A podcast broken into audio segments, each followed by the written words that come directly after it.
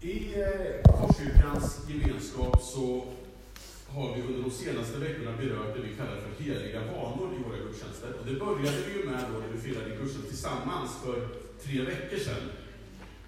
Eh, vi tror att den kristna församlingen finns till för och har sitt existensberättigande i att vara till för världens skull. Till skillnad från de allra flesta organisationer, klubbar och föreningar så är kyrkan inte i första hand till sina egna medlemmar. Utan för alla de människor som ännu inte vet vad kyrkan är för någonting. Eller vem Jesus är. Och vad, vad Gud har gjort genom Jesus. Men för att kunna vara den här kyrkan som är till för världens skull, för att kunna vara det här trädet med vidsträckta grenar, så krävs det djupare rötter.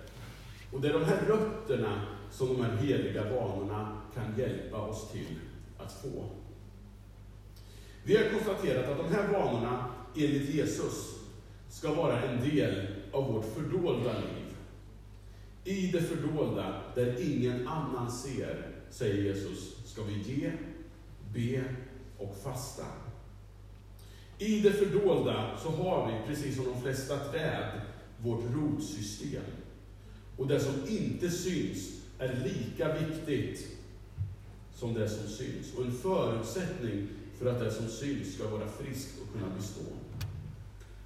Och idag ska vi då titta på den tredje vanan som Jesus lyfter fram i bergspredikan i Matteus 57, nämligen fastan och hur vi så att säga ska ta fasta på den. Fasta innebär att man under en tid avstår från sånt som tillhör livets behov. Och det man oftast menar i relation till det här ordet fasta, det är ju mat. Min erfarenhet är dock att vi inte så särskilt ofta talar om det här med fasta i vår del av världen. Åtminstone inte i, de, i den kyrkotradition som jag är en del av. Numera talas det visserligen om fasta i vår kultur, men det är inte de kyrkliga predikanterna som predikar om fastans förtjänster, utan snarare så är det olika hälso och kostrådgivare som predikar om hur fantastiska verkningar fastan kan ha för vår kropp och för våra liv. Fasta som hälsotrend syns både nu och då i kvällstidningars olika hälsobilagor. Väldigt mycket tyder ju på att fastan kan vara väldigt bra för hälsan. Men den kristna fastan har väl ändå med någonting annat att göra. Den kristna fastan är för många idag mest förknippad med en tidsperiod innan påsk och även inför jul kanske, då möjligen en del som är lite seriösa iakttar lite försiktighet med vad man stoppar i sig eller ägnar sig åt. I den frikyrkliga väckelsetraditionen så förknippas historiskt sett fasta ihop med bön, som på ett särskilt sätt gör bönen mer effektiv. Man går in i bön och fasta, och då får bönen en helt annan tyngd. Men vad handlar det om och varför ska vi fasta? Det är en fråga som jag faktiskt ställer mig ganska mycket till mig själv också, för jag tycker det här är ganska svårbegripligt. Kan fasta bli en vana som vi, ägn, som vi ägnar oss åt med, regelbundet istället för någonting som man lyfter ibland lite sporadiskt utan att riktigt veta varför? Om vi går till Bibeln så ser vi att i Jesus samtid och den miljö som Jesus rörde sig i så verkar fastan ha varit en självklar del av livet inför Gud. I Gamla Testamentets lag, den bibel som Jesus och hans samtida läste, Gamla Testamentet, där påbjöds fasta vid ett tillfälle per år. Men vi ser genom hela Gamla Testamentet hur fastan ändå används mer vid sidan av bön, både kollektivt och individuellt vid olika situationer. Inte minst i samband med nationella kriser så var fastan ett sätt att inför Gud visa en sorts kollektiv omvändelse och ånger. Det finns flera exempel på det i Gamla Testamentet. Fastan användes också i förbön inför svåra situationer eller vid sjukdom.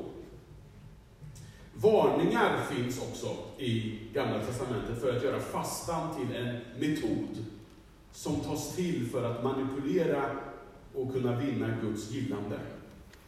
Till exempel så ser vi den här texten som vi hörde inledningsvis, att Jesaja han går väldigt hårt åt Israels folk när de hålls med sina fastor i hopp om att Gud ska gripa in. Och så förklarar Jesaja att den här fastan den är meningslös om man inte samtidigt lossar orättfärdiga bojor, sliter sönder okets rep och så vidare. Med tiden så kommer man också att iaktta fastor bland det här folket när man mindes, när man kom ihåg händelser i folkets historia. Fastan var alltså en del av det gängse religiösa livet och det var en handling som hörde till om man ville gälla som from och rättrogen jude. Jesus fastade och han förutsatte att hans efterföljare fastade. Även fast han också ibland verkar ha relativiserat de här fastställda fastorna med hänvisning till sin egen närvaro. När han får frågan om varför fastar inte dina lärjungar? Ja, men varför ska de fasta när brudgummen är hos dem? Med syfte till sig själv då. I Nya Testamentet ser vi att fastan är och blir en del av den tidiga kyrkans liv. Inte minst i samband med viktiga beslut, som avskiljning av församlingsledare och sändande av missionärer. Då går församlingen in i någon sorts fasta kollektivt. I bergspredikan då, i Matteus 6, så talar Jesus om fastan som en from handling vid sidan av ekonomiskt givande och bön. Och vi ska läsa från Matteus 6, vers 1, och så ska vi hoppa en bit fram till vers 16 till 18. Så här säger Jesus. Var noga med att inte utföra era fromma gärningar i människornas åsyn för att de ska lägga märke till er. Annars har ni ingen lön att vänta hos er fader i himlen. Och sen så går han igenom hur de ska bete sig när de ger och hur de ska bete sig när de ber. Och så kommer han till, till vers 16. När ni fastar, se då inte dystra ut som hycklarna, som vanställer sitt utseende för att människorna ska se att de fastar. Sannerligen, de har redan fått ut sin lön. Nej, när du fastar, smörj in ditt hår och tvätta ditt ansikte så att inte människorna ser att du fastar, utan bara din fader i det fördolda. Då ska din fader som ser i det fördolda belöna dig.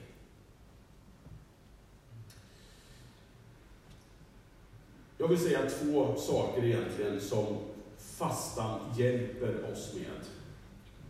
Och det första som fastan hjälper oss med, det är att sätta Gud i centrum. På samma sätt som Jesus förutsätter att hans åhörare, de som lyssnar på honom, att de ger och ber, så förutsätter han att de fastar. Han säger inte, om ni skulle få för er att fasta, då ska ni göra så här. Utan han säger, när ni fastar. Det är en självklar del av livet. Men vad han sen gör med de här tre handlingarna, bönen, givandet och fastan, det är att sätta dem i rätt perspektiv. Jesus utmanar sina åhörare att inte fasta för att människorna ska se hur fromma och andliga de är. Istället så utmanar han dem till ett liv befriat från den här självcentreringen, där Gud istället får utgöra centrum och målet för min fasta.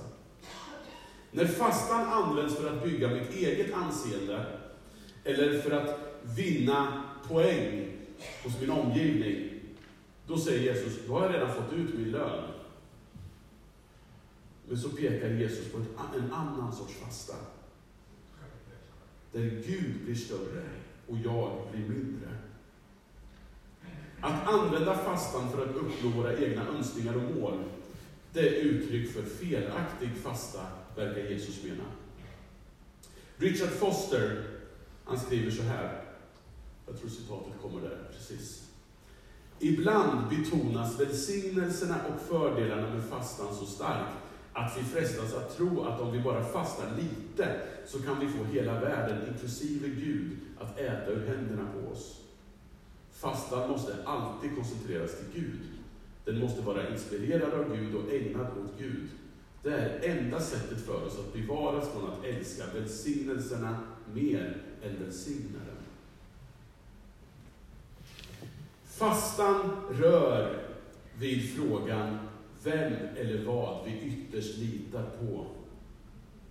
När Jesus frestas i öknen, det finns ju en berättelse om när Jesus döps, så drivs han ut i öknen och så frestas han där. Men det sker efter att han först har fastat i 40 dagar. Det berättas så här. Då kom frestaren och sa till honom, om du är Guds son, så befall att de här stenarna blir bröd. Jesus svarade, det står skrivet, människan ska inte leva bara av bröd, utan av varje ord som utgår ur Guds mun. Matteus skildring av Jesu liv, det är ju en direkt anspelning på Israels ökenvandring i Gamla Testamentet. De här 40 dagarna i öknen motsvarar ju de här 40 åren som det här folket fick traska runt i den här tröstlösa tillvaron.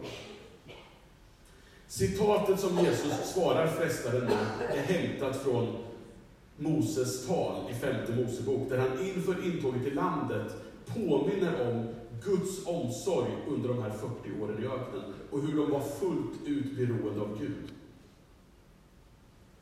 De hade inte tillgång till någon mat som de kände till, men de fick manna från himlen som Gud försåg dem med och som man aldrig har sett, hade sett innan dess. Och så säger Mose till folket, han ville lära dig att människan inte lever bara av bröd, utan av alla ord som utgår från Herren.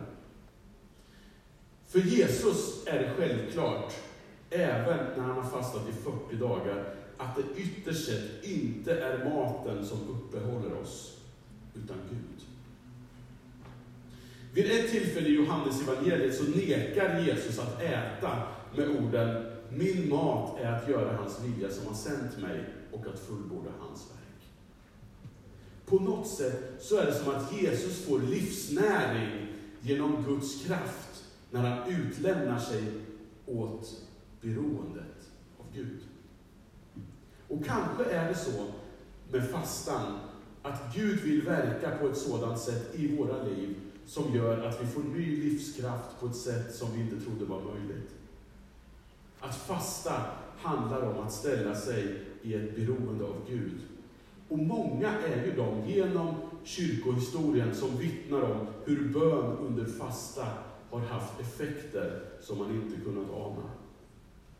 Att sätta Gud i centrum. Det andra som fastan hjälper oss till, det är att avslöja vad som binder oss. För knappt 20 år sedan så var jag indragen i arbetet med en kristen organisation.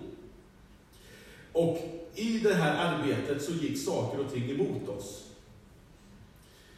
Och vi bestämde att ja, men vi, vi gör så här att vi tar en dag av bön och fasta.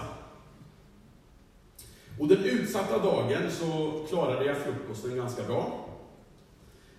Men sen så kom förmiddagsfikat och då åkte fram jordgubbstårta med grädde. Och det hela slutade med att jag gav efter för min svaga karaktär. Och så bestämde jag för att jag kan ju faktiskt byta fastedag och äta tårta. Och det blev ganska uppenbart här att jag var bunden. Jag var styrd av mitt begär. Det hade jag förmodligen inte tänkt på om det inte hade varit så att jag hade bestämt mig för att fasta. Fastan är en möjlighet att avslöja vad som faktiskt har makten över mig. Saker och ting kommer upp till ytan och visar sig i sin fulla fulhet när, de, när det inte längre kan dövas av maten jag stoppar i mig eller annat som jag mentalt och fysiskt matar mig med. Om man utvidgar det här med fasta till den betydelse som jag nämnde från början, att under en tid avstå sånt som tillhör livets behov, så finns ju här också anledning att ta in sånt som också vid sidan av mat, som vi har kommit att bli beroende av och som har gjort oss förslavade i olika beteendemönster. Vad skulle det göra med oss om vi för en tid tog fritt från till exempel sociala medier? tv-tittande och vad vi än håller på med. Allt är tillåtet, skriver Paulus, men ingenting får ta makten över mig. Och det kan ju vara så att det finns ganska mycket som har tagit makten över oss. Författaren Magnus Malm, han gav en gång en bild av en person som sitter i en fåtölj. Ungefär en sån här stol som ni sitter i, fantastiskt sköna stolar för övrigt. Det kommer vara väldigt svårt för folk att stå upp i lovsång och psalmsång framöver. Oavsett. Så länge personen sitter där och tycker att det är ganska skönt att sitta där, så kommer hon eller han aldrig att uppleva sig bunden, hur fjättrad man än är vid den här fåtöljen. Utan det är först när man vill resa sig upp som det går upp för en att jag är bunden. Fastan är ett sätt att avslöja de här kedjorna. Ett sätt att resa sig från den lunk som samhället sätter oss i. Men just tack vare att Jesus har levt, dött och uppstått, att han har besegrat alla de här makterna som vill binda oss, så är ju det goda nyheter att vi genom fastan kan få syn på de här kedjorna. Citerar Richard Foster en gång till här. Vrede, bitterhet, avund, stridighet, rädsla. Om sånt finns inom oss kommer det upp till ytan under fastan. Först så drar vi slutsatsen att vår vrede beror på hungern. Sen förstår vi att vi är arga därför att vredens ande bor i oss. Vi kan glädjas åt den insikten, för vi vet att det finns helande i Kristi namn. Och just den här avslöjande effekten som fastan kan ha, gör också att vi i förlängningen kan få ett vidgat perspektiv och lär oss känna igen syndens och ondskans maktstrukturer i vår värld. Och då får vi också förmåga att utöva den fasta som Jesaja talar om, som handlar om att bryta ner onda strukturer som binder människor. Detta är den fasta jag vill se. Att du lossar orättfärdiga bojor, sliter sönder okets rep, befriar de förtryckta, krossar alla ok. Då ska Herren svara när du kallar. När du ropar säger han, här är jag. Förutom de här aspekterna, att sätta Gud i centrum och att avslöja vad som binder oss, så finns ju erfarenheter från den kristna traditionen som talar om det här med bönens effektivitet och större lyhördhet för Guds röst under fastan.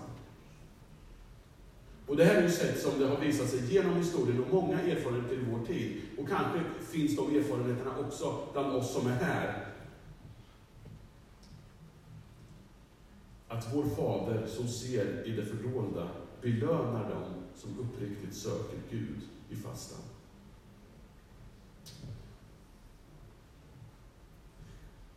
Hur gör då vi när vi fastar?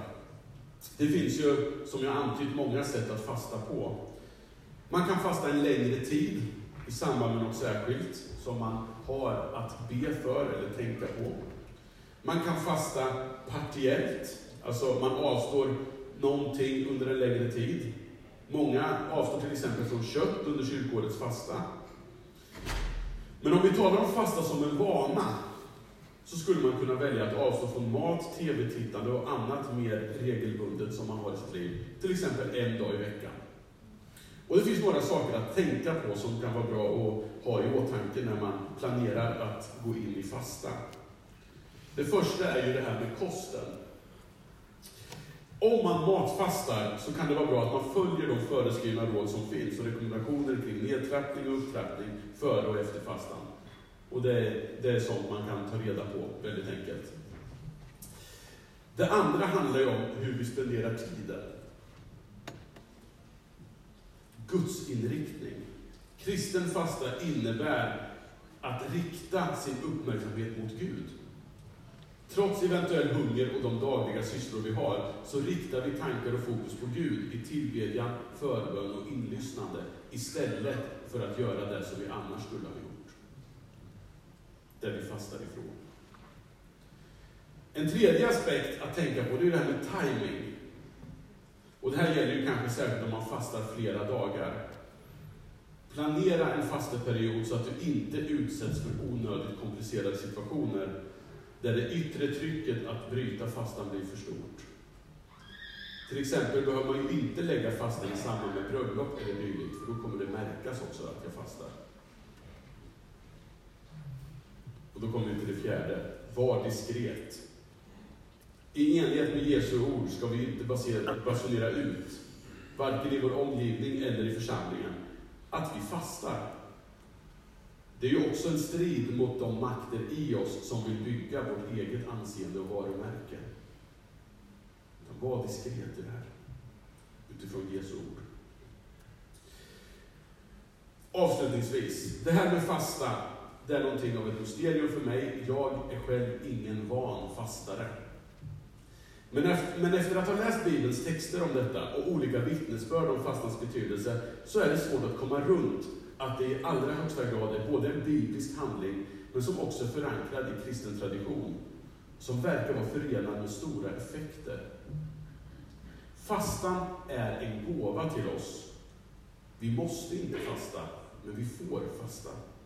Ett redskap som har getts oss för att uttrycka vårt beroende av Gud och avslöja destruktiva makter och vanemönster i våra liv. Så låt oss därför ta fasta på fastan. Det vill jag skicka med er idag. Vi ber tillsammans.